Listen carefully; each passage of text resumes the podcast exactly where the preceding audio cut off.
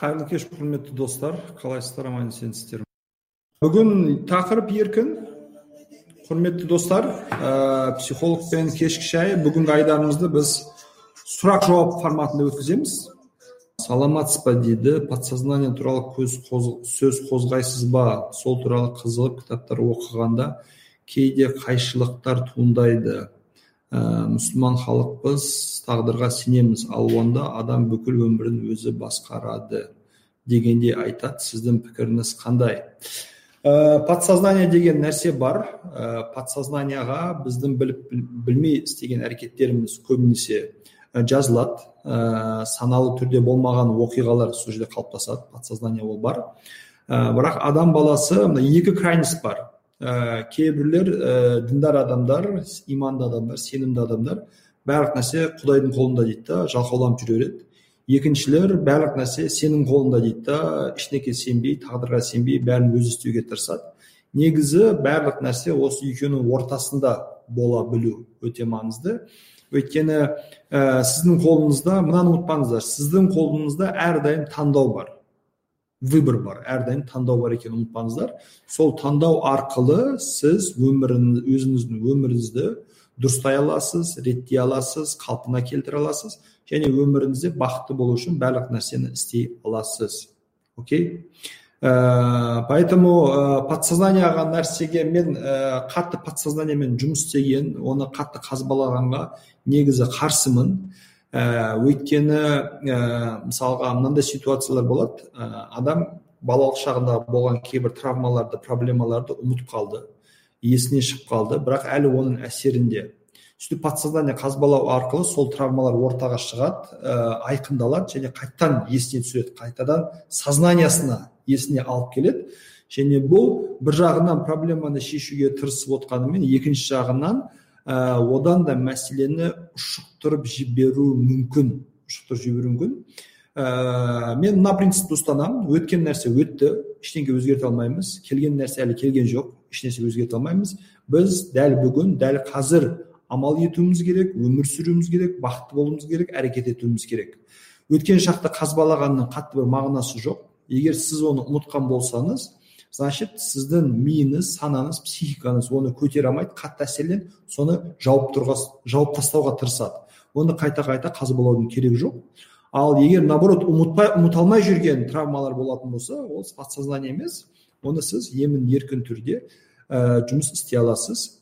Ә, кейбір адамдар мысалға подсознаниямен жұмыс істеу барысында мысалы күйеуімен қарым қатынасы нашар әйелмен қарым қатынасы нашар бизнесінде жұмысы жүрмей жатады.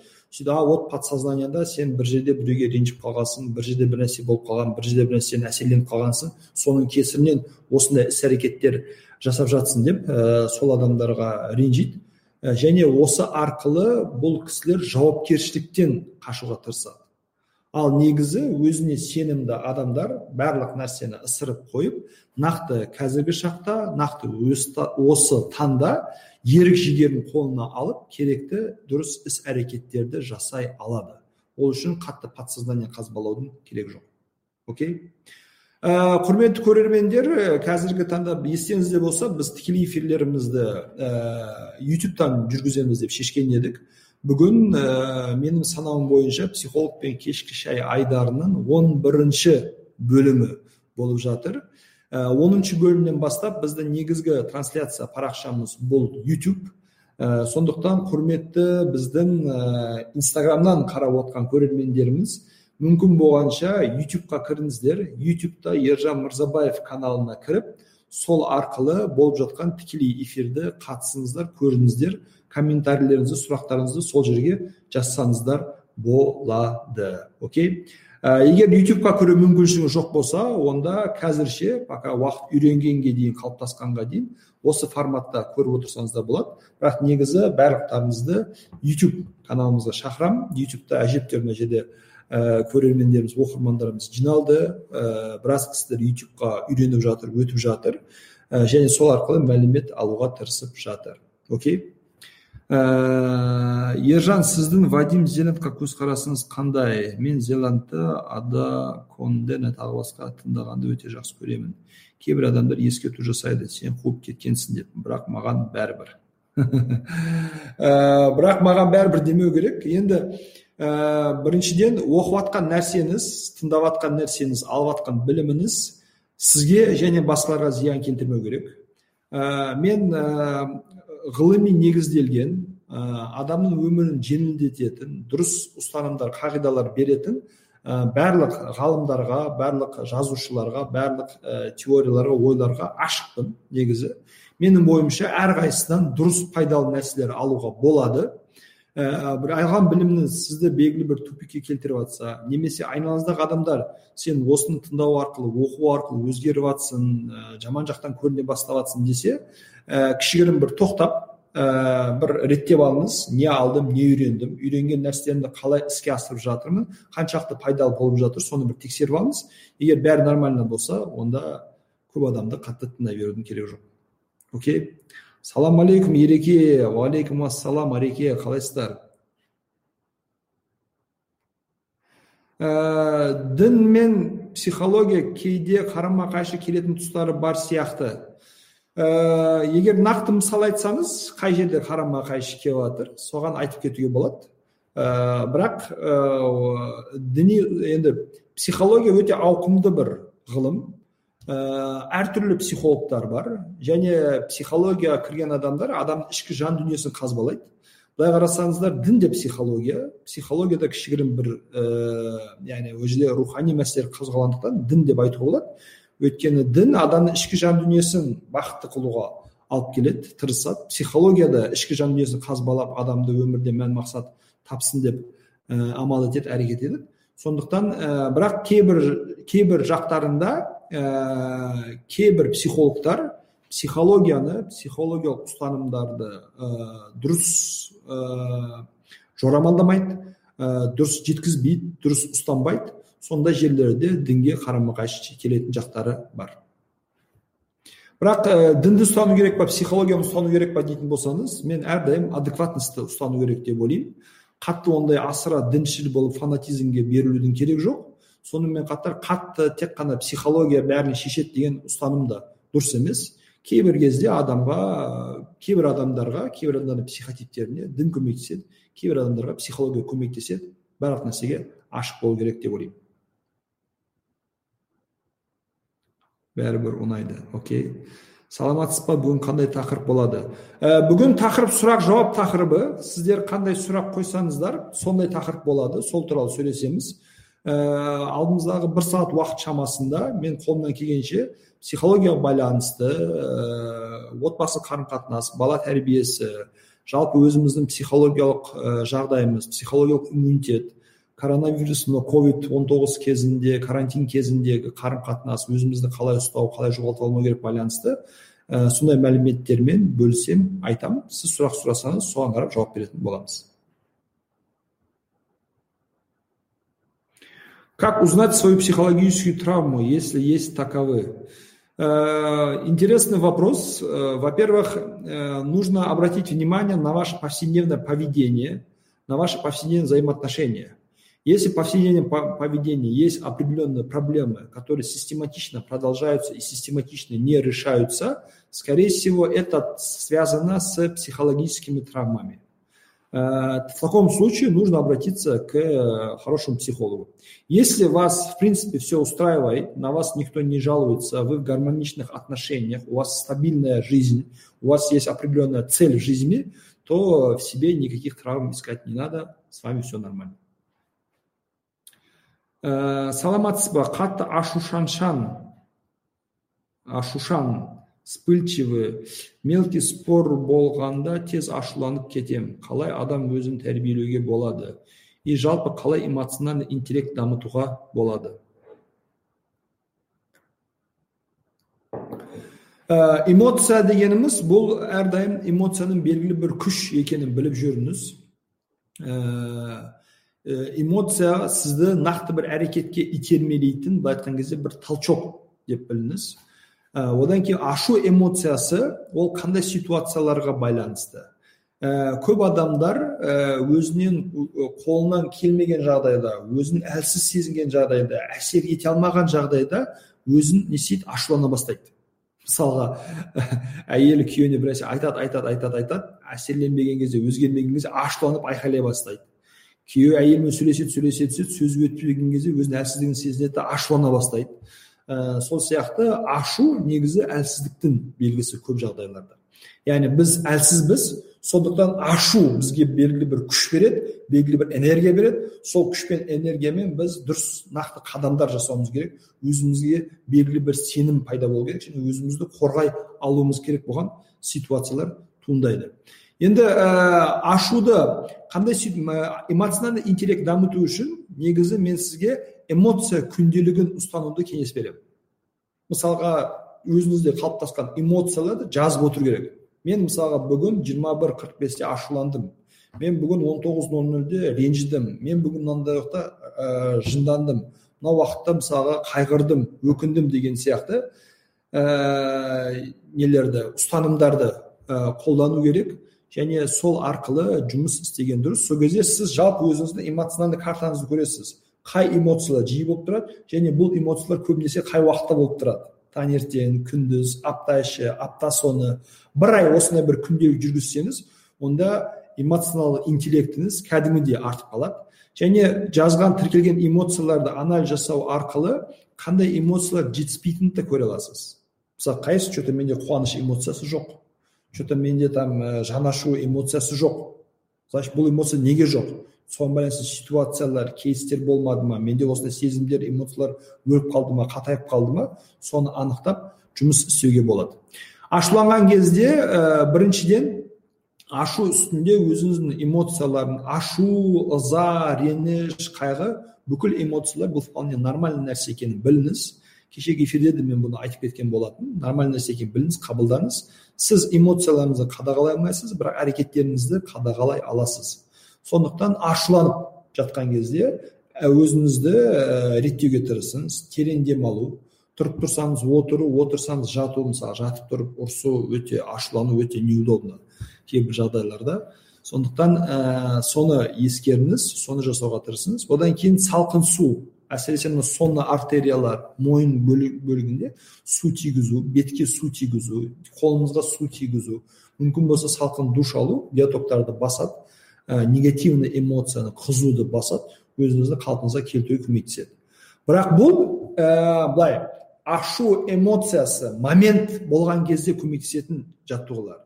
Бірақ егер бұл қайта қайта жиі жиі қайталанатын болса постоянно болып тұратын болса және постоянно бір адамға немесе бір ситуацияға қадалып қалған ашу болатын болса онда ашуға себеп болып жатқан ситуацияны шешуге тырысу керек. То есть ә, сізді мысалға күйеуіңіздің немесе балаңыздың белгілі бір әрекеті постоянно ашуландыра береді сіз постоянно ашулана бересіз. Бір рет мына жаттығулар көмектеседі екінші рет көмектеседі үшінші рет көмектеспеуі мүмкін. Төртінші рет сізде уже ол жаттығуларға қарсы иммунитет қалыптасады да әсерленбейтін болып қаласыз.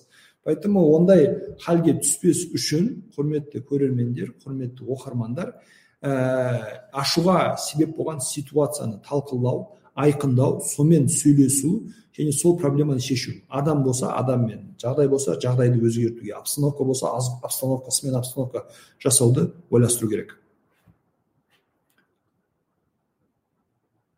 ұл балалардың тәрбиесі туралы айтасыз ба инстадан ютубқа келдім дейді қош келіпсіз инстадан ютубқа құрметті біздің инстаграмдағы оқырмандарымыз біз кешеден бастап ә, психологпен кешкі шай айдарын ә, инста, ютуб каналымызда жүргізіп жатырмыз.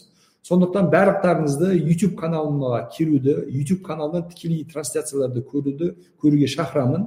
Негізі ә, бір екі рет ә, халық үйренгенге дейін адаптация болғанға дейін осылай екі түрлі каналмен жүргіземіз. Бірақ жалпы ұзақ мерзімді в дальнейшем көбінесе ютубтан тікелей эфир жүргіземіз.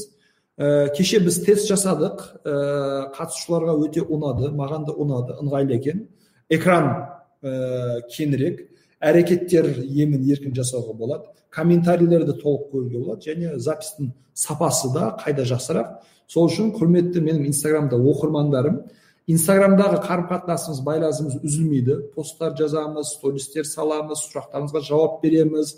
Инстаграмнан дайректке келген сұрақтарды тікелей эфирлерде қадағалай қадағалаймыз бәрін жасаймыз. Бірақ ә, көбінесе ә, youtube форматындағы тікелей эфирлерге өткіміз өтуді ойлап жатырмыз. Ә, қатып қалып жатыр дейді ютубта ә, құрметті көрермендер сіздерде менің видеом қатып қалып жатқан жоқ па? Бір обратный связь беріңіздер маған. Бәрі дұрыс па көрініп жатыр ма толық болып жатыр ма? Өйткені мына жерден кейбір көрермендерім ә, youtube қатып қалып жатыр деп шағымданып жатыр. Бұл тек қана сол көрермендерімізде ма немесе бәріңізде сондай ма? Жоқ жоқ деген жауаптар келіп жатыр. Қалған көрермендерде YouTube дұрыс жұмыс істеп жатыр. Сондықтан ә, сізді мүмкін связь байланыс нашар болып жатқан шығар. Бірақ ютубтағылар бәрі жақсы бәрі ә, ешқандай зависать етіп тұрған жоқ дейді. Окей. Рахмет. Ұл бала тәрбиесіне айтылатын негізгі ә, қағидалар. Құрметті оқырмандар. Бір ұл баланың ә, өзіне сенімді өзіне сенімді өсу үшін ұл баланы ә, көбірек мақтау керек көбірек сыйлау керек құрмет көрсету керек. Ұл балдардың ұл балдардың мақтаған кезде нақты бір іс әрекет үшін мақтау керек. Яғни сен әдемісің сен күштісің сен ақылдысың сен мықтысың емес. Ә, ондай мақтаулар ә, ұл балдарға кері әсерін тигізеді. Сен ақылдысың өйткені үй жұмысын мысалға жарты сағатта бәрін толық істеп тастадың. Сен қандай мықтысың өткенде маған екі пакет продуктымен көмектестің. Балам рахмет ә, өте шапшаң тезсің алғырсың бір айтқан сөзімді нақты дұрыс түсіндің барып магазиннен айтқан нәрсенің бәрін күшті алып келдің. Яғни мақтау белгілі бір себептерге болу керек белгілі бір іс әрекеттер болу керек. Сол кезде ер кісі тек қана құлақпен жақсы көруді емес сонымен қатар ұл бала болғандықтан амал етуге әрекет етуге не істейді әрдайым талпынып отырады. Ә, негізі ә, переходной возрастқа дейін переходной возрастқа дейін ә, ұл бала болсын ә, ер кісі ұл бала болсын қыз бала болсын арасында қатты ондай бір айырмашылық жоқ. Мысалға кейбіреулер ойлайды ә, қызды көбірек еркелету керек ұлды кішкене жігіт болсын өмірге піссін үйренсін деп кішкене қатаңдау ұстау керек ә, қызды ұруға болмайды баланы ұруға болады қызға айқайламау керек баланы айқайлау керек деген сияқты ұстанымдар бұлар қате жалпы негізі ұл қыз деп бөлмей бүкіл балаларға бірдей тәрбие ұстанымы болу керек бірдей екеуі де мейірімге мұқтаж екеуі де сүйіспеншілікке мұқтаж екеуі де өзін өзін сіздің тарапыңыздан қорғануға мұқтаж. Сондықтан ә, осыны ең бірінші түрде ә, ескеру керек. Одан кейін көп адамдар ұл бала болғандықтан оны бір төбелескіш бір такой бір боевик бір мужественный бір әкшн бір әрекет жасайтын қылып тәрбиелеуге тырысады. Ә, бұл дұрыс емес. Өйткені ұл бала болғанда болғанына қарамастан балалардың мінездері әртүрлі болады. Темпераменті әртүрлі болады характерлері әртүрлі болады өзінің ішкі потенциалы әртүрлі болады. Кейбіреулер спортқа төбелеске күреске жақын болады мықты болады. Кейбіреулері болса андай нәзік сыпайы ертең ә, дәрігер болатын ертең әнші болатын ертең суретші болатын ертең дизайнер болатын более такой тонкий более чувствительный ұл балдар болады.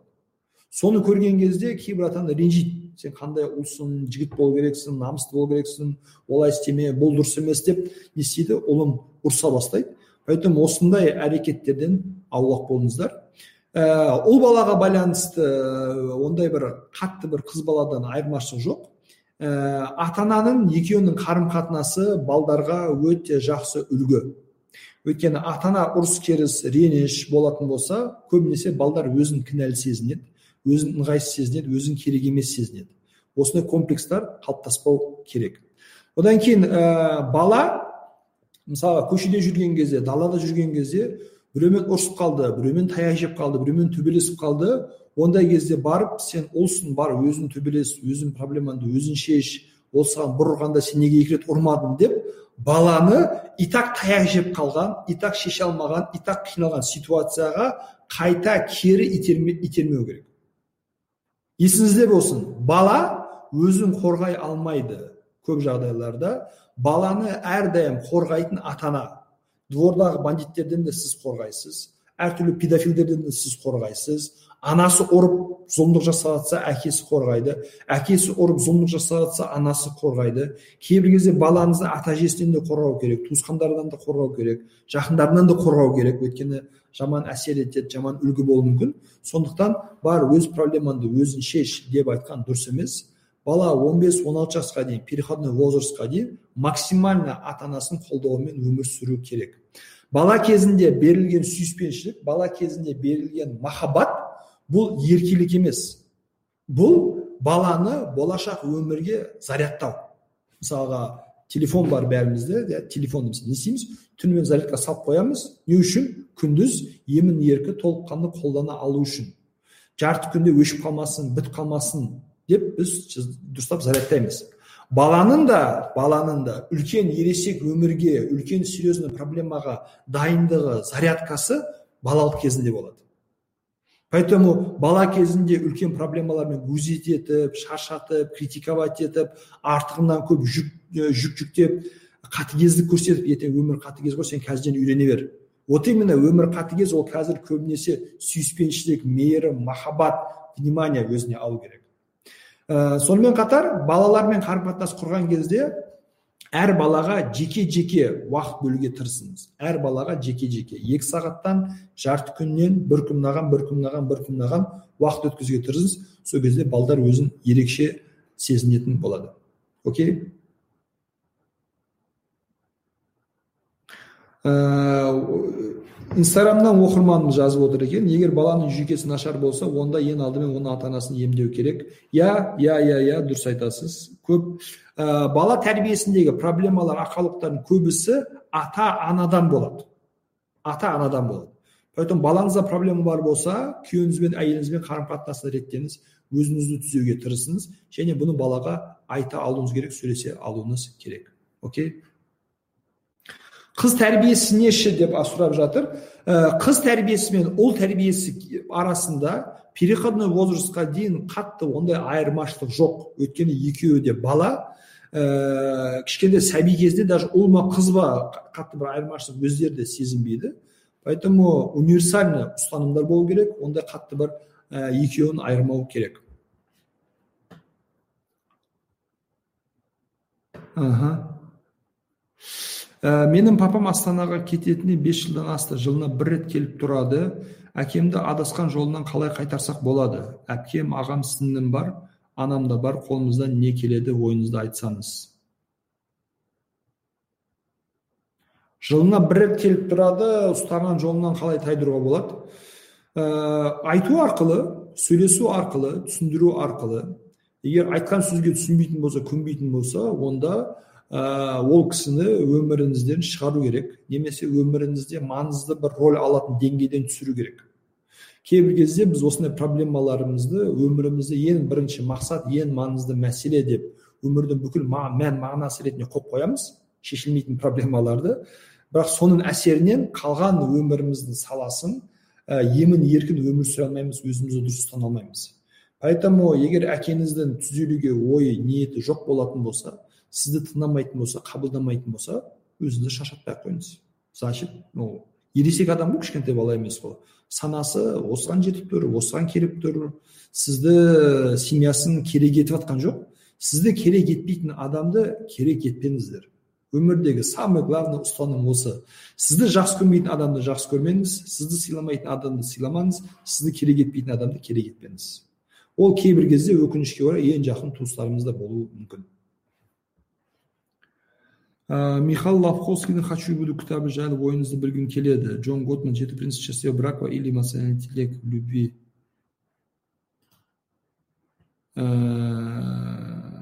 кітабы дейді.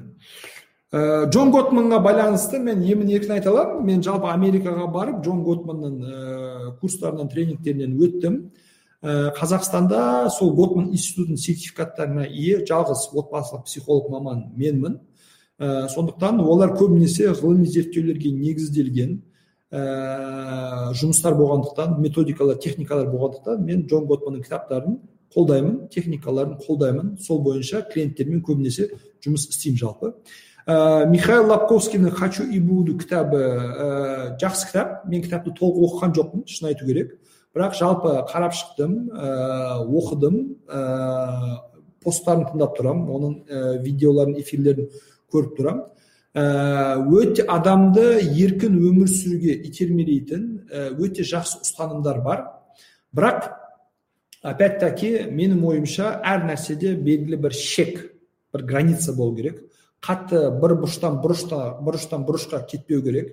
Ә, андай экстремальный точкаларға ұзақтап кетпеу керек. Кейбір нәрселерде оның ұстанымы бойынша енді адам өзінің әр қалағанын істеу керек деп ойлайды. Бірақ әр қалағанымыз шын мәнінде дұрыс па шын мәнінде керек па? Ә, әр қалағанымыз істеу арқылы біз айналамыздағы адамдарға қарсы жауапкершілігімізді орындай аламыз ба қалыптастыра аламыз ба? Соны ұстану керек сол границалардан қатты шығып кетпеу керек деп ойлаймын. Атак атак ә, қазақ менталитетіне біздің қазақстанға ол кітап ол ұстанымдар керек. Өйткені біз қатты қысылып тастағанбыз. Қатты басылып қалғанбыз кішкене бізге осы еркіндік жетпей жатыр. Кішкене осы еркіндік ә, керек. Сондықтан сол кітапты оқыңыздар ә, сол кітаппен амал етіңіздер ұстаныңыздар. Мен оған ешқандай қарсылығым жоқ. Қатты шектен шығып бара жатсаңыз психологқа келесіз біз сіздің настройкаларыңызды қайтадан жөндеп жібереміз. Окей? Жолдасым екеуміз мына мәселеде келіспей қаламыз. Мысалы жақын құрбыларымның отбасында дұрыс емес нәрсе көрсем құрбыма жаным ашып ақыл айтам. Ал жолдасым араласпа тіпті күйеуі ұрып жүрсе де. Олар бақытты болса шындық айтам деп араларын от саласын дейді. Осындайда не істеген дұрыс. Ә, құрбыларымыздың достарымыздың туыстарымыздың отбасылық өмірлеріне араласу қалай араласу? Жан ашу болып жатқан зұлымдықты тоқтату адамды ол ситуациядан құтқаруға тырысу оларға жақсылық істеу дұрыс. Өйткені біз осы ә, ситуацияға түсіп жертва болып жүрген адамдарды әсіресе әйелдерді көп кінәлайды. Өзі кінәлі неге отырды неге шыдады балдарын ойлап кетіп қалмайды ма деп кінәлай береді да бірақ көп жағдайларда осындай әсіресе тұрмыстық зорлық зомбылық фактілеріне шалдыққан кісілерге ә, сырттан мотивация поддержка психологиялық күш уверенность жетпей тұрады. Оны көріп тұрсаңыз конечно айту керек ей қызым айналайын там құрбым досым былай болмайды күйеуімен ажырас оны таста шық психологқа көрін өзіңді ұрғызба полиция шақыр мен сенің қасыңда боламын қолдаймын көмектесемін деп атсалысу керек. Осындай ситуацияларда атсалысу керек адамды сол ситуациядан құтқару керек. Ертең шыққаннан кейін сізге мың рахмет айтады. Ал ә, сәл ұрысып қалды сәл ренжісіп қалды сәл ә, түсініспеушілік болып қалды ыдыс сәл сылдырлап қалды. Әр нәрсеге жүгіріп барып үйтпе бүйтпе былай істе былай істеме деп айтқанда дұрыс емес. Әрдайым әрдайым отбасын сақтауға байланысты отбасын сақтауға қарай амал етіп жұмыс істеуіміз керек. Бұған байланысты менің практикамда қызық бір оқиға болды. Шайланып отырыңыздар құрметті көрермендер. Шайларыңыз дәмді болсын. Ә, эфиріміз кешкі шай айдары болғандықтан міндетті түрде шай ішіп отыру керек. Шайдың қасына сіздер не жейсіздер? Мен шайдың қасына көбінесе изюм жаңғақ ә, печенье вафли сондай нәрселерді жеген ұнатамын. Сухофрукты витамин пайдалы сіздер де алып отырыңыздар дәмді болсын. Мынандай оқиға болды. Ә, телефоннан бір келіншек звондайды. Сіз психологсыз ба? дейді. Иә мен психологпын дейді. Сізге приемға келсем бола ма? Мен как раз офисты жауып кетіп бара жатқанмын уже уақыт кеш болды. Егер срочно болса ертең кездесейік дедім. Жоқ бізге срочно керек өлім қалың бітейін деп жатырмыз. Ә, қай жерде болсаңыз біз срочно қазір келе аламыз деді. Жақсы дедім ондай болса. Күте тұрайын келіңіз. Кеш уақытта келді подружка. Келді қасында подружкасы бар жылап жатыр ана әйел кісі енді. Жас қыз жылап жатыр өкіріп жатыр. Қасында подружкасы тұр. Кейін жақсы кабинетке кіріңіз дедім и подружкасымен бірге кіріп бара жатыр. Мен айттым негізі психологқа келген кезде адамдар жеке отырып сөйлеседі қаласаңыз подружкаңыз приемында күте тұрсын. Жоқ келсін келсін ол менің подружкам бүкіл проблемаларды біледі мен бүкіл мәселелерімді сонымен ақылдасамын сырласамын одан сақтайтын ешқандай сырым жоқ деді. Ну ладно дедім енді клиент ә, хозяин бар сіз білесіз жақсы келсін отырдық сөйлестік. Тыңдадым. Күйеуім былай жамандайды подружкасы иә иә иә солай дейді күйеуім былай жамандайды подружкасы иә иә иә солай дейді күйеуінің мына минусын айтады әйел подружкасы иә иә осылай дейді сөйтіп айналып келген кезде мен қазір ажырасқым келеді дейді. И подружкасы айтады мен вот подружкам даже білет бүкіл проблемаларды даже ол маған айтып жатыр ажырас кет былай болмайды деп окей. Сөйтіп мен негізі анализ жасаған кезде ұстанатын бірнеше негізгі принциптерім бар. Қол көтереді ма ұрады ма? Жоқ. Ә, измена бар ма көзге шөп салады ма жоқ зависимость бар ма ә, алкоголь наркомания ставка игротека сондай зависимость бар ма жоқ окей ә, қалған проблемаларды в принципе шешуге болады сөйтіп жақсы дедім ондай болса міне сізге парақ міне сізге парақ тест осы тестті жауап беріңіз дедім отырып тест жаза бастады жазды жазды жазды жауаптарын алдым қарадым өзімде не бар? Ключ бар. Ана тесттерді қалай оқу керек екенін қарап тұрдым да ә, сіз алпыс сегіз пайыз отбасылық қарым қатынасыңызға көңіліңіз толып тұр дедім. Таң қалдым. Қалай? Ол оңбаған. Мен бақытсызбын. Тұрғым келмейді ажырасқым келеді. Өлдім біттім быт шыт мүмкін емес деп айтады мысалы. Сөйтіп сондай реакция көрсетті. Білмеймін енді тест жазған сіз жауап берген сізсіз. То есть эмоционально сіз ажырасқыңыз келіп жатыр жек көріп жатсыз ұнатпай жатсыз ашуланып жатсыз. Бірақ енді тест жазған кезде ақыл қосылады ми қосылады ой қосылады. Научный түрде сіз алпыс сегіз пайыз отбасылық қарым қатынасыңызға көңіліңіз толып тұр. Таңқалып одан кейін бастадық. Жақсы. Ә, күйеуіңізді жамандап болдыңыз ба? Жамандап болдым. Жақсы қасиеттері бар ма? Ну не, ә, негізі бар деп. Не үшін үйлендіңіз?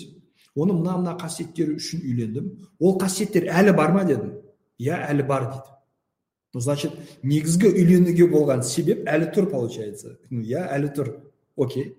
Сөйтіп зерттедік зерттедік зерттедік. Күйеуін сол бір приемға келіп жақсы көріп кетті күйеуін. Ә, күйеуің күшті екен ғой деп. Неге осындай проблемаға алып келді? Көбінесе әйел кісілер подружкаларға үйдегі проблемаларды айтады. Бірақ үйдегі жақсы нәрселерді айтпайды күйеумен бірге там киноға бардық ужинға бардық күйеумен бірге күшті құшақтасып отырып үйде демалдық фильм көрдік ә, төсек қатынасы одан кейін жақсы приятностьтар пайдалы нәрселер күшті нәрселерді айтпайды қайғырып жылап на эмоциях көбінесе проблемаларын айтады. Ал енді сол подружка бір проблема естіді екі проблема естіді үш проблема естіді көбінесе тек қана проблемаларды естігендіктен ойлайды мә мына бейшара қыздың өмірі быт шыт тұрмысы ә, қырылып жатыр күйеуі сондай оңбаған сорлы бұны құтқару керек. Сөйтіп подружкасына құяды. Ажырас кет бітті қалды деп айта береді да. Сондықтан осы тұрғыдан подружкалар кейбір кезде ер кісілерде де тура сондай ситуация қатты айырмашылық жоқ. Подружкалар мен другтар не всегда правильный советчик болуы мүмкін. Осыдан абай болу керек. Поэтому ойымызды навязчиво емес. Қызым осыны осыны айтып тұрсың объективно қарауға тырыс. Негізі ә, енді қай аурумен ауырсаң сол дәрігерге бару керек. Дұрыс па? Мысалы яғни ә, тамағың ауырып жатса ухо горло нос мысалға бар бөлек көздің дәрігері бөлек ә, бастың дәрігері бөлек там хирургияға байланысты дәрігері бөлек травмаға травма травматологияның дәрігері бөлек әр саланы әр даже денеміздің мүшелерінің өздерінің бөлек бөлек дәрігерлері бар. Сіз көз дәрігеріне там тамақ ауруымен бара алмайсыз мысалға.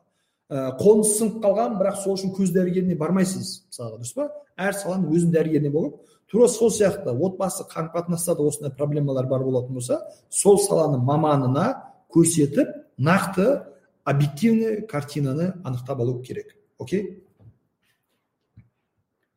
Ә, рахмет рахмет рахмет рахмет. Ә, рахмет рахмет рахмет.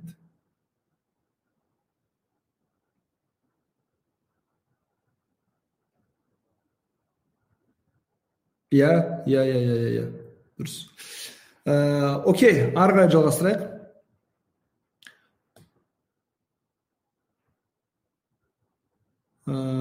Өткізіп алдық па? Қандай сұрақты өткізіп алдық?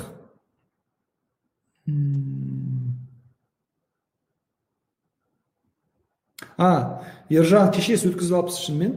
Ә, ержан мырза маған барлық нәрсе қызықсыз өмірден түңіліп жүрмін. Бір күнім екінші күніммен аумайды ешкіммен сөйлескім келмеді тіпті туыстарыммен араласқым келмеді сізге жекеңізге жазсам көмек көмек бересіз ба деп жатсыз ғой жекеме жазыңыз көмек беремін ә, егер әшейін былай консультация кеңес ретінде смс пен аудио сообщениемен шешілетін проблема болса мен көбінесе дайректке келген сұрақтарға проблемаларға жауап беруге тырысамын бірақ егер ауқымды системді үлкен бір проблема болатын болса онда ә, онлайн түрде жеке қабылдауға жазылып проблемаңызды сол арқылы шешіп алуыңызға кеңес беремін окей ә, ары қарай жалғастырайық общительный емеспін бөтен ортада қалай ашылуға болады неге ашылғыңыз келеді то есть общительный болмау проблема емес общительный болмау кейбір кезде пайдалы ә, мен алматыда бір уақыттары біз неде жұмыс істедік ә, карьерный агентствода жұмыс істедік. Хедхантер адамдар жұмыс тауып беруге көмектесеміз. Компаниядан заказ келеді соны собеседование жасап мамандар тауып береміз. Ол жерде тоже андай психологический подходтар керек болды. Ә, мамандар істейді. Мен көбінесе адамдарды былай айтқан кезде андай поведениесына жүріс тұрыстарына жазған нәрсесімен іс әрекеттеріне қарап біз баға беретінбіз. Осы должностьқа мына компанияға бұны алуға болады ма болмайды ма деген сияқты. Сөйтіп мынандай қызық жағдайлар болады. Должность бухгалтер. Главный бухгалтер ақшасы жақсы үлкен компанияда. И ә, кісілер резюме жіберіп жатыр резюменің ішіне резюмеге келеді. Резюмесі нормальный болғанда собеседование шақырамыз собеседование келеді. Сөйтіп көбінесе бухгалтерлік должностьқа астына личный качество деген жерге мынаны жазған. Коммуникативный общительный деп жазған. Коммуникативный общительный жазған. Біз солай жазған адамдардың көбісін собеседование шақырмадық жұмысқа алмадық. Неге? Өйткені бухгалтерлік должностьта сен коммуникативный общительный болмау керексің. Сен бухгалтерсің. Әрбір сан маңызды әрбір үтір маңызды әрбір ноль маңызды. Сен жан жағыңнан о че там привет как дела? Ха ха хи хи шай ішіп қояйық әңгімелесейік үйтейік бүйтейік общение ұстап жатсаң значит ішінде концентрация нашар. Сандарды дұрыс қарай алмайсың нақты жұмыс істей алмайсың. Сенің кішкентай қателігінен компанияға өте үлкен зиян келуі мүмкін. Көрдіңіз ба? Осындай кездерде тұйық необщительный болған жақсы. Сол үшін егер сіз басқалар сияқты болмасаңыз это не обязательно что сіз проблемныйсыз сізде бір ақаулық бар бір кемшілік бар. Ә, необщительный необщительный адамдарды жақсы көретін өте көп адамдар бар общительный адамдарды жақсы көретін өте көп адамдар бар. Поэтому в этом ешқандай проблема көріп тұрған жоқпын. Жауаптарыңызға үлкен рахмет. Сізге рахмет. Ә, менің туған сестренкам помешана на похудении. Ұзақ уақыт бойы дәрілер ішеді зависимый. Әр айтылған сөзді критика ретінде қабылдайды. Ренжігіш ашушан. Иә? Ондай адамдармен ә, конфликтке келмеуге тырысу керек. Адам психологиясы нәрсе мынандай нәрсе бір іс істеген кезде егер сізді критиковать етіп ә, сөз айтатын болса ұрыс керіске келіп қала беретін болса сіз қырсығып одан да көп оны істей бересіз. Уже қырсыққаннан істей бересіз. Болмайды оңбаған қой мынау дұрыс емес не істеп жатрсың өзіңді өлтіресің деген кезде наоборот мен сізге көрсетемін мен сізге дәлелдеймін мен бұның нәтижесіне жетемін мен бұның түбіне түсемін деп одан да қырсық істей береді. Адамды ойын өзгертудің жолы екі нәрсе бар. Біріншісі білім. То есть информация беру. Бұның зияндығына байланысты авторитетный адамдардың аузынан шыққан информацияны жеткізу. Авторитетный осы саладағы авторитетный адамдармен кездесу. Яғни диетолог болуы мүмкін психолог болуы мүмкін ә, эндокринолог болуы мүмкін. Осы салада жұмыс істейтін авторитетный мамандармен. Ә, модельдер болуы мүмкін который шығып мен осынша анорексия деген ауру бар негізі қатты азайып кететіні осындай халге келдім қыздар істемеңдер бұл дұрыс емес деген сияқты. Сол профессиональный мнение әрдайым туысқанның мнениесінен жоғары болып тұрады. Профессиональный мнение сен қайдан білесің? Сен жасаған жоқсың ғой. Араласпа өзім білемін деп ә, сізге қарсы шығады поэтому профессионалдармен білімін арттыру. Екіншісі уақыт. Сіз мысалы сондай адамдармен жұмыс істеген кезде мен сені бір әңгімеде өзгертемін мен сенімен қазір сөйлесіп ойыңды түзетемін мен саған қазір үйретемін деген ұстанымнан аулақ болыңыз бұның бір процесс екенін біліңіз және уақыт келе келе қалайсың денсаулығың бәрі жақсы ма аман есенсің ба дұрыс жасап жатрсың ба деп денсаулығын сұраңыз жасама істеме деген нәрсе емес жасап істеп бір жерге уже ұрыла бастаған кезде денсаулықтан ақаулық шыға бастаған кезде проблема туындай бастаған кезде өзі не істейді? Айта бастайды бөлісе бастайды сырласа бастайды. Сол кезде сіз туысқан ретінде әпкесі ретінде жақын қарым қатынаста болсаңыз сенімді қарым қатынаста болсаңыз поддерживающий адам болсаңыз онда келіп сізге әпке мына жағдай че то қиын болып кетті не істесем екен? деген кезде сіз емін еркін түрде дұрыс кеңес беретін боласыз. Қайырлы кеш ержан мырза. Бұрынғы қарым қатынастар естен кетер емес. Хотя тұрмыс құрғаныма бес жыл болды. Балаларымыз бар но. Бұрынғы қарым қатынас жақсы нәрселер ма жаман нәрселер ма өйткені бұрынғы қарым қатынастан әртүрлі эффект шығады. Кейбір кезде жаман бұрынғы қарым қатынастарды ұмыта алмай жүрміз. Кейбір кезде жақсы бұрынғы қарым қатынастарды ұмыта алмай жүреміз. Ә, екеуінде де мына мәселе бар. Ә, неге ұмыта алмай жүрсіз? Өйткені скорее всего сол жерде жақсы нәрсе болған. Бірақ мына қарым қатынаста ол жақсы нәрсе жоқ немесе жақсы нәрсе аз. Поэтому соны іздейсіз. Ә, осыған байланысты қазіргі қарым қатынасыңызда ана қарым қатынаста іздеген аңсаған сағынып жүрген ә, болуын қалаған нәрселерді болдыруға тырысыңыз. Бірге уақыт өткізу киноға бару қол ұстасып паркта қыдыру бір біріңізге сюрприздер жасау бір біріңізге ілтипат етуді ұстаңыз екіншісі осылардың барлығы не үшін керек? Ә, психологияда мынандай ұстаным бар.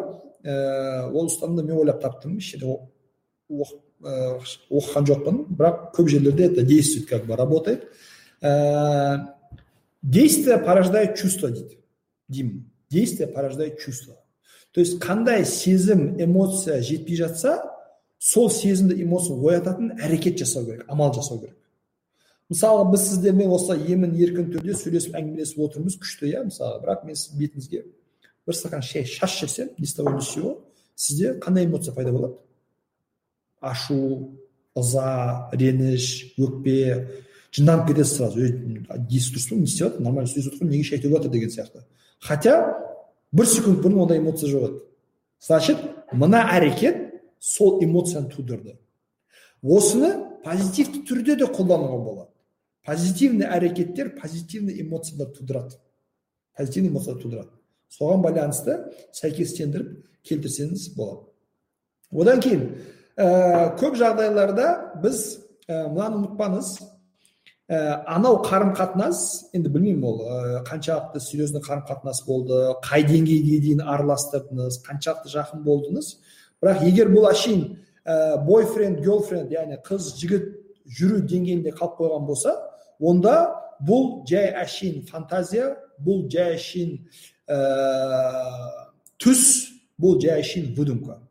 Өйткені жігіт пен қыздың қарым қатынасы мен ерлі зайыптардың қарым қатынасы мүлдем бөлек дүниелер мүлдем бөлек дүниелер қыз жігіт сияқты ерлі зайыпты болып қалу мүмкін емес қыз жігітте жауапкершілік жоқ өйткені шаршадың ба қызыңды ауыстыра сал шаршадың ба жігітіңді ауыстыра сал бір біріңді сіз ә, бір біріңізге жауапкершілік сезінбегендіктен тек қана жақсы жақтан ұнауға тырысасыз жаман қасиеттеріңізді ә, сақтайсыз көрсетпейсіз білдіртпеуге тырысасыз. Поэтому олар ешқашан искренне қарым қатынас емес. Сондықтан сіз қазір получается шынайы бір өміріңіз бар. Және фантазиядағы ойдағы болуы мүмкін болса екен осылай болғанда ғой деп армандап жүрген бір өміріңіз бар. Шынайылық пен фантазия бір біріне салыстыруға келмейтін нәрселер. Поэтому фантазияларыңызды қойып шынайы өмірге назар аударыңыз. Шынайы өмірде бақытты болуға тырысыңыз. Қандай әрекеттер жетпей жатқан болса сол әрекеттерді нақты істеңіз. Окей? Ютуб әлде қайда күшті екен? Ютубта видео сапасы мен дыбыс сапасы жақсы екен. О көп рахмет көп рахмет. Мен де соны айтып жатырмын ғой. Құрметті инстаграмдағы көрермендеріміз міне ютубтағы көрермендеріміз айтып жатыр. Ютубтың видео сапасы жақсы дейді дауысы жақсы дейді качествосы жақсы дейді. Сондықтан барлықтарыңыз ютубқа өтіңіздер. Ә, барлықтарыңызда так или иначе менің ойымша ютуб бар. Сол үшін ютубқа өтіп ютубтан көріңіздер ютубта бізбен бірге болыңыздар. Бірақ инстаграмда лайк басып комментарий жазуға хабарласуды ұмытпаңыз. Окей? Тікелей эфирлерде тікелей эфирлерде ютубта болуға тырысыңыз. Э, Ержан Мырза, добрый вечер. Хотел съездить в Америку по визе э, Б-162, не дали визу. Слышал, что консульские офицеры сильные психологи. Что можете о них сказать? И как попасть в Америку? Сори, что не по теме. Э, я не думаю, что они сильные психологи. Просто они специально подготовлены к этому со стороны психологов как проводить собеседование, на что обращать внимание. Есть факторы, есть моменты, где влияют психологические факторы. Нервозность, неуверенность, постоянно оглядка, вот эти вот признаки чувства вины, чувства лжи, как будто что-то скрывает, из-за чего-то обманывает. Такие моменты э, могут быть. Но в целом, в целом, в большинстве случаев они опираются на конкретные фактические данные. То есть иногда бывает запрет, им говорят, просто, просто э, отказывайте каждому третьему. И они просто раз, два, три, сори, тебе не повезло, могут просто отказывать и все. И иногда говорят, разрешайте только 10%. Я считаю так, раз, два, три, четыре, девять, отказ, десятому дают согласие. То есть конкретной такой логики или какого-то лайфхака в этом случае нет. Э, не скажу, что они психологи. Я сам получал визу, обращался, проходил собеседование. Мы просто за окошком разговаривали, человек мне даже боком сидел. Не то, что смотреть, анализировать, наблюдать, просто боком сидел, посмотрел документы, спросил причину.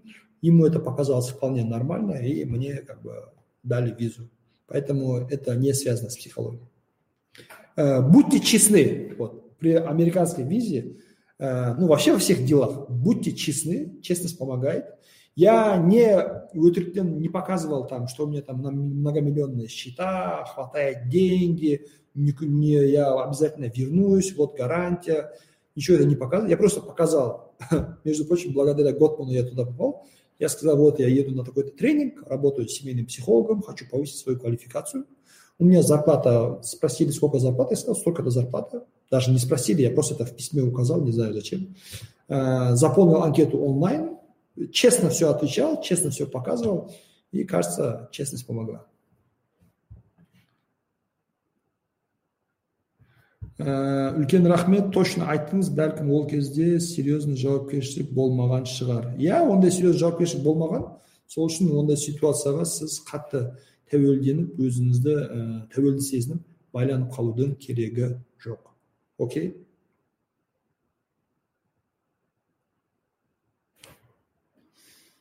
Мына жерде неге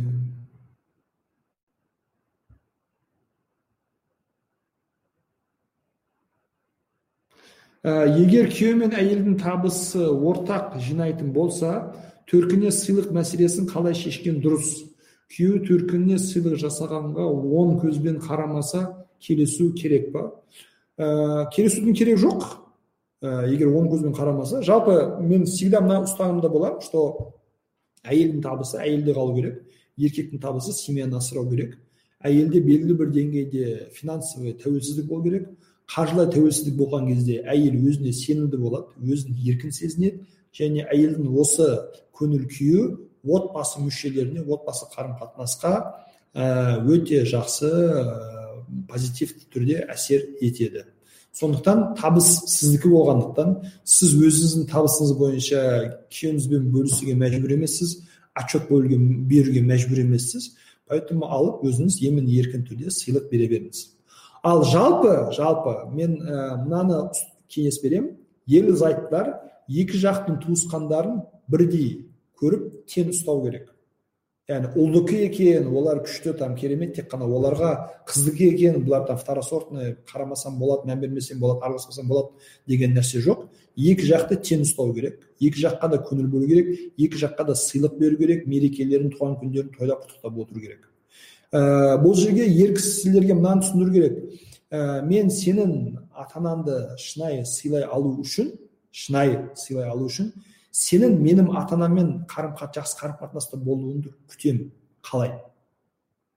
Мен өтіріктен күліп жүре аламын. Ну егер өтіріктен күліп жүре алсаңыз бұл да дұрыс емес конечно.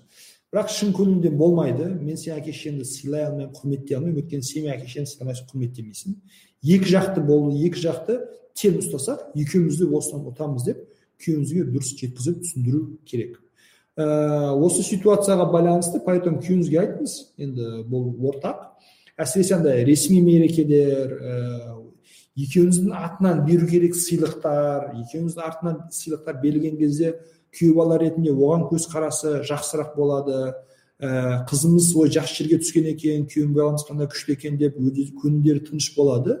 Поэтому сыйлық тек қана қарым қатынасты жақсартады жүректерді жібітеді және психологиялық тұрғыдан бізге жақсы эмоциялар сыйлайды. Поэтому сыйлық, сыйлық беруден қашпаңыздар әрдайым осы ұстанымда болып тұрыңыздар. Окей? Неге еркек жұмыс істемейді деген ә, бұл еркек немесе әйелге байланысты емес. Неге адам жұмыс істемейді? Жауапкершілік сезімі болмағандықтан жұмыс істемейді. Ә, өмірінде ешқандай бір мән мақсат болмағандықтан ә, жұмыс істемейді.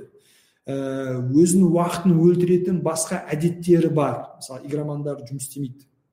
Өйткені игротека арқылы ойнау арқылы белгілі бір кайф тауып алған. Зачем жұмыс істеуге? Өзін не болса да асырайтын бағатын біреулер бар екеніне қатты сеніп қалған үшін жұмыс істемейді. Себептер өте көп. Сіздің ситуацияңызда нақты сондай бір адам бар болса оны шақырып сөйлесіңіз неге жұмыс істемейсің не жетпей жатыр неге олайсың деп ашық түрде сөйлесіп әңгімелесіп себебін білуге тырысу керек. Егер сол себепті өзгертетін шеше алатын сіздің қолыңызда мүмкіншілік бар болса жасаңыз. Жоқ болатын болса онда айналайын давай өзіңді тәрбиеле өзгерт деп нақты талап қойыңыз.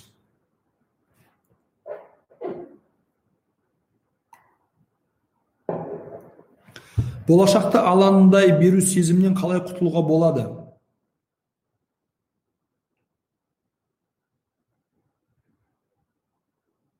Сообщение удалено отправителем деп шығып жатыр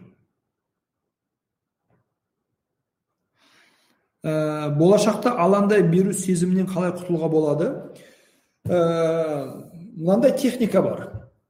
Сізді мазалайтын ойларды қағазға жазу техникасы.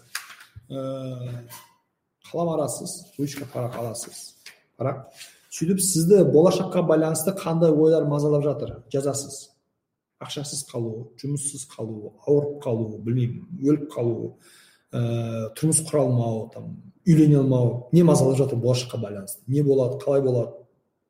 Америкада кризис не болады девальвация не болады доллардың жағдайы не болады деген сияқты болашаққа байланысты мазалап жатқан бүкіл ойларды жазыңыз. Бүкіл ойларды жазыңыз. Сол кезде миыңыз кәдімгідей бір разгрузка болып қалады. Мына жақтағы проблемалардың бәрі параққа түсіп қалады. Одан кейін параққа түскен проблемаларды жоғарыдан қарау көру анализ жасау оңайырақ. Чем іштегі проблемаларды қазбалап отыра бергеннен гөрі. Жаздыңыз ба? Екіншісі әр проблемаға байланысты екі вариант бар.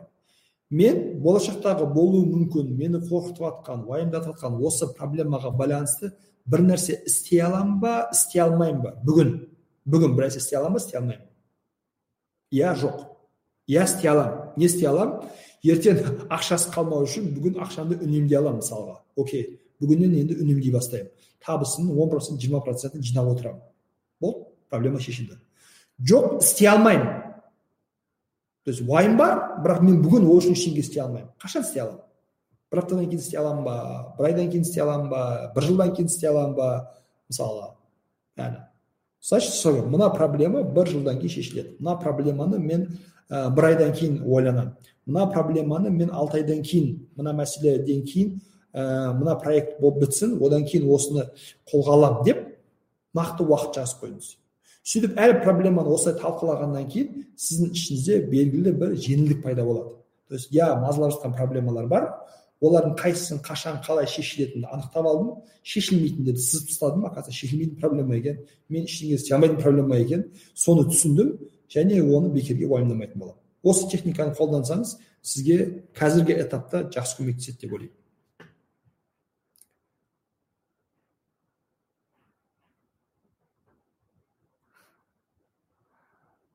Окей рахмет. Ене емес ә, қайын атам бәле іздеп ұрса беретін болса не істеу керек? Үнемі минус іздеп жүреді енеме жамандайды. Ақталып негізі былай болған еді десем одан сайын нападать етіп шығады.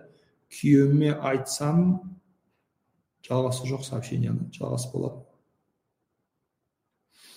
бастықтың жағын айырып жібергім келіп жүр. Соны қалай заң шеңберінде ә, қалай айырып тастауға болады деп басым қатып жүр. Не істесем болады. Ә, бастықпен егер қарым қатынасыңыз түзу болмаса сізде шын мәнінде ә, стресс туындатып депрессияға түсіріп агрессияға баруға дейін итермелейтін болса онда ондай токсичный адамдардан токсичный бастықтардан аулақ болу керек.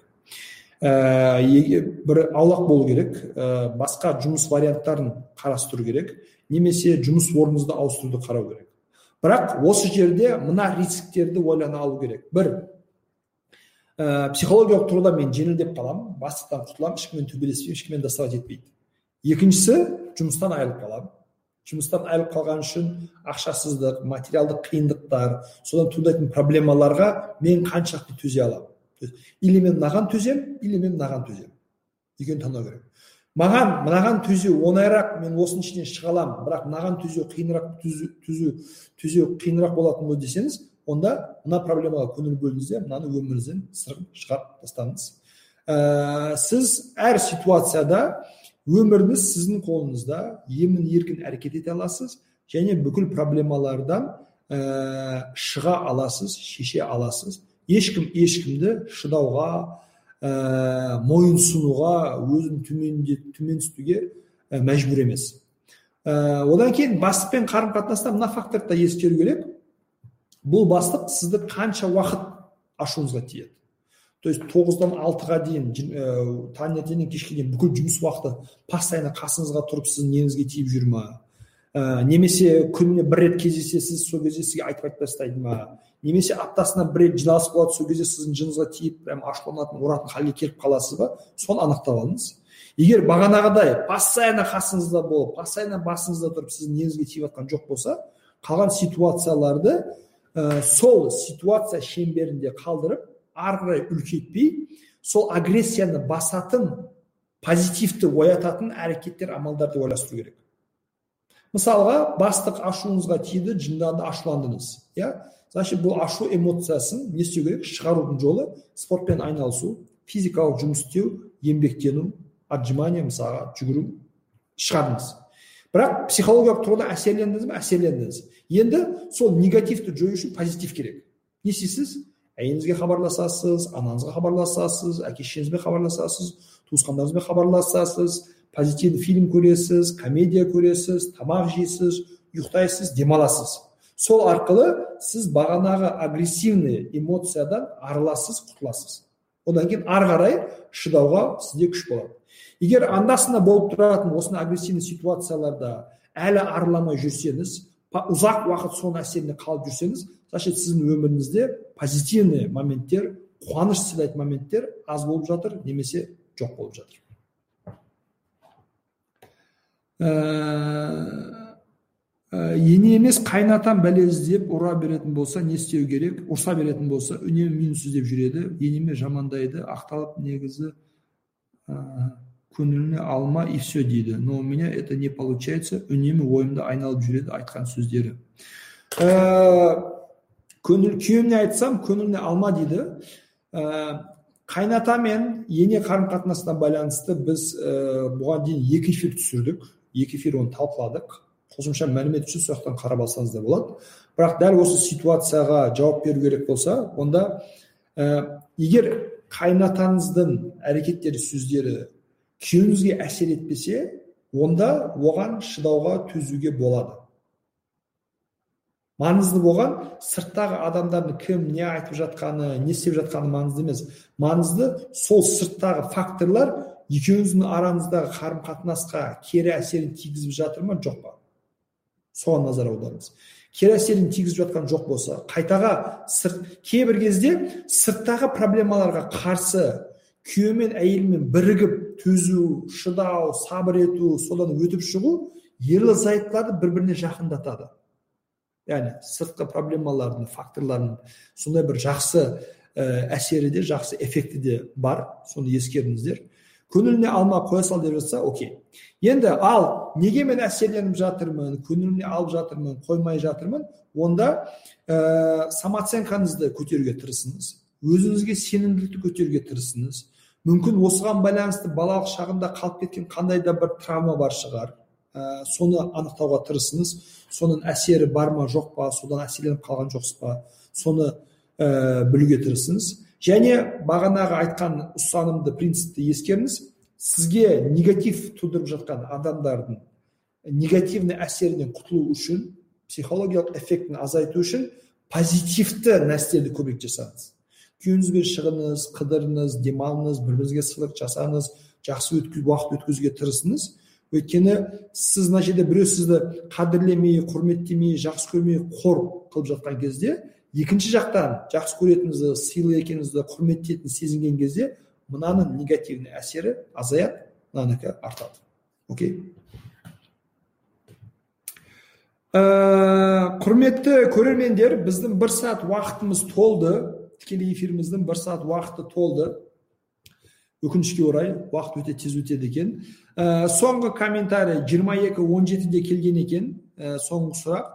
Сіздерден өтініш осы моменттен кейін ә, сұрақ жазбаңыздар комментарий жазсаңыздар болады ой пікірлеріңізді жазсаңыздар болады сұрақ жазбаңыздар өйткені сұрақтарға жауап беруді осы соңғы бірнеше сұрақпен тоқтатамыз соның өзі әжептәуір уақыт алатын сияқты окей шай алыңыздар психологпен кешкі шай шайларыңыз дәмді болсын ас болсын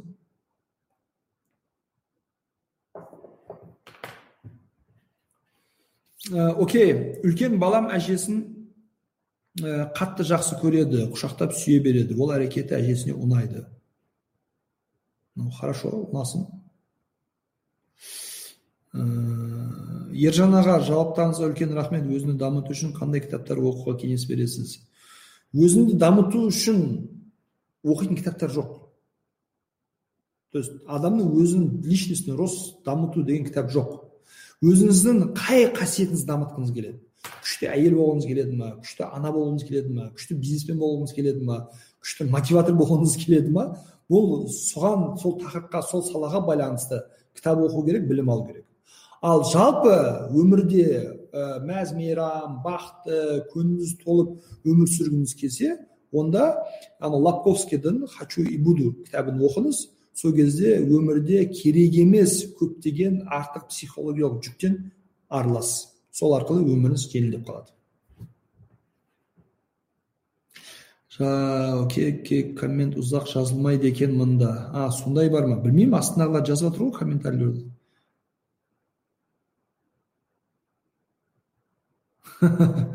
Передайте пожалуйста привет фаруиджа она смотрит спасибо. Біз радио сияқты передаем привет деп. Жұмыс істейтін болдық қой балам бұйыртса бірге толыға жақындап қалды. Құлап қала ма бірдеңе болып қалады ма деп қатты уайымдай беремін. Біреу зиян тигізеді ма болашағы қалай болады тағы басқа уайымдар. Қалай спокойная мама болсам? Мхм. Ә, бұл ана ретінде сіздің осындай қайғыларыңыз уайымдарыңыз вполне нормальный нәрсе. Ә, қорқыныш бізді әрекетке итермелейтін негізгі және маңызды эмоциялардың біреуі. Қорыққан кезде біз өзімізді сақтауға тырысамыз. Балаңыздың болашағына қорқасыз ба? Соған қарап амал етіңіз. Соған қарап амал етіңіз. Мысалға балам құлап қалады деп қорықсаңыз онда балаңыздың құлап қалуынан оны қорғай алмайсыз. Бірақ құлап қалған кезде зақымданбауынан қорғай аласыз. Дұрыс па? Ә, мысалға балаңыз не істейді? Мысалы велосипед айдауды үйрене бастауы мүмкін немесе енді жүре бастауы мүмкін. Сіз оны мысалы нелер бар наколенниктер бар тізеге тағып кигізіп қоятын. Сол кезде құлаған сайын тізесі ауырмайды зақымданбайды. Осындай сияқты ә, жан сақтау алдын алу шараларын қолдансаңыз онда балаңызға деген уайымыңыз азаяды. Өйткені уайым қорқыныш ә, белгілі бір амал керек етіледі. Амал етілген кезде қорқыныш басталады. Амал етілмеген кезде қорқыныш көбейе береді. Поэтому қорқасыз ба? Оны болдырмау үшін қолыңыздан келген амалды жасаңыз сол кезде қорықпайтын боласыз а так ә, бала психологиясына байланысты көбірек кітап оқыңыз ә, баланың дамуына байланысты көбірек кітаптар оқыңыз өйткені білімсіздік адамды уайымдатады қорқытады сол нәрсе бар білімсіздік адамды қорқытады мысалға сәл жөтеліп қалды ма өлді бітті қалды ауырып жатыр деп қорқа бастайды да егер бала осындай ситуацияда мысалы мазасызданады жөтеледі деп оқысаңыз білсеңіз қорықпайтын боласыз. Немесе қатты бір ашушаң ренжігіш болды ма соны ойбай не болып қалды екен кім ренжітті екен мен қандай жаман анамын деп қорықпайсыз. Кітап оқысаңыз біліміңізді арттырсаңыз бала психология түсінетін болсаңыз онда бұда скорее всего скачок роста болып жатыр. Скорее всего тісі шығып жатыр. Скорее всего өзінде физиологиялық тұрғыдан дамығандықтан психологиялық тұрғыдан дамығандықтан бұл процесстер кішкене баланы мазалайды. Қазір как раз сол процесстің уақыты келіп қалған екен бұл нормальный ситуация дейсіз да қатты қорықпайтын боласыз. Окей? Келесі кешкі шайыңызда ажырасқан қыз келіншектерге кеңесіңіз болса өсіріп отырған балаларына беретін тәрбиесі жайлы және әкесі жағы ешқандай көмек бермесе олардың тәрбие берулерінің арасында анасына ұнамаса. Окей? Окей окей. Ә, рахмет жауаптарыңызға рахмет жауаптарыңызға. Сіздерге де көп рахмет құрметті достар құрметті көрермендер құрметті оқырмандар. Бұйырса психологпен кешкі шай айдарында біз бала тәрбиесін талқылайтын боламыз. Бұйырса қолымыздан келгенше бала психологиясын баланың тәрбиесі баланың ә, жүріс тұрысы баланың болашағын талқылайтын боламыз. Жақсы? Барлықтарыңызға көп рахмет қайырлы кеш сәттілік. Жақсылықта көріскенше аман болыңыздар.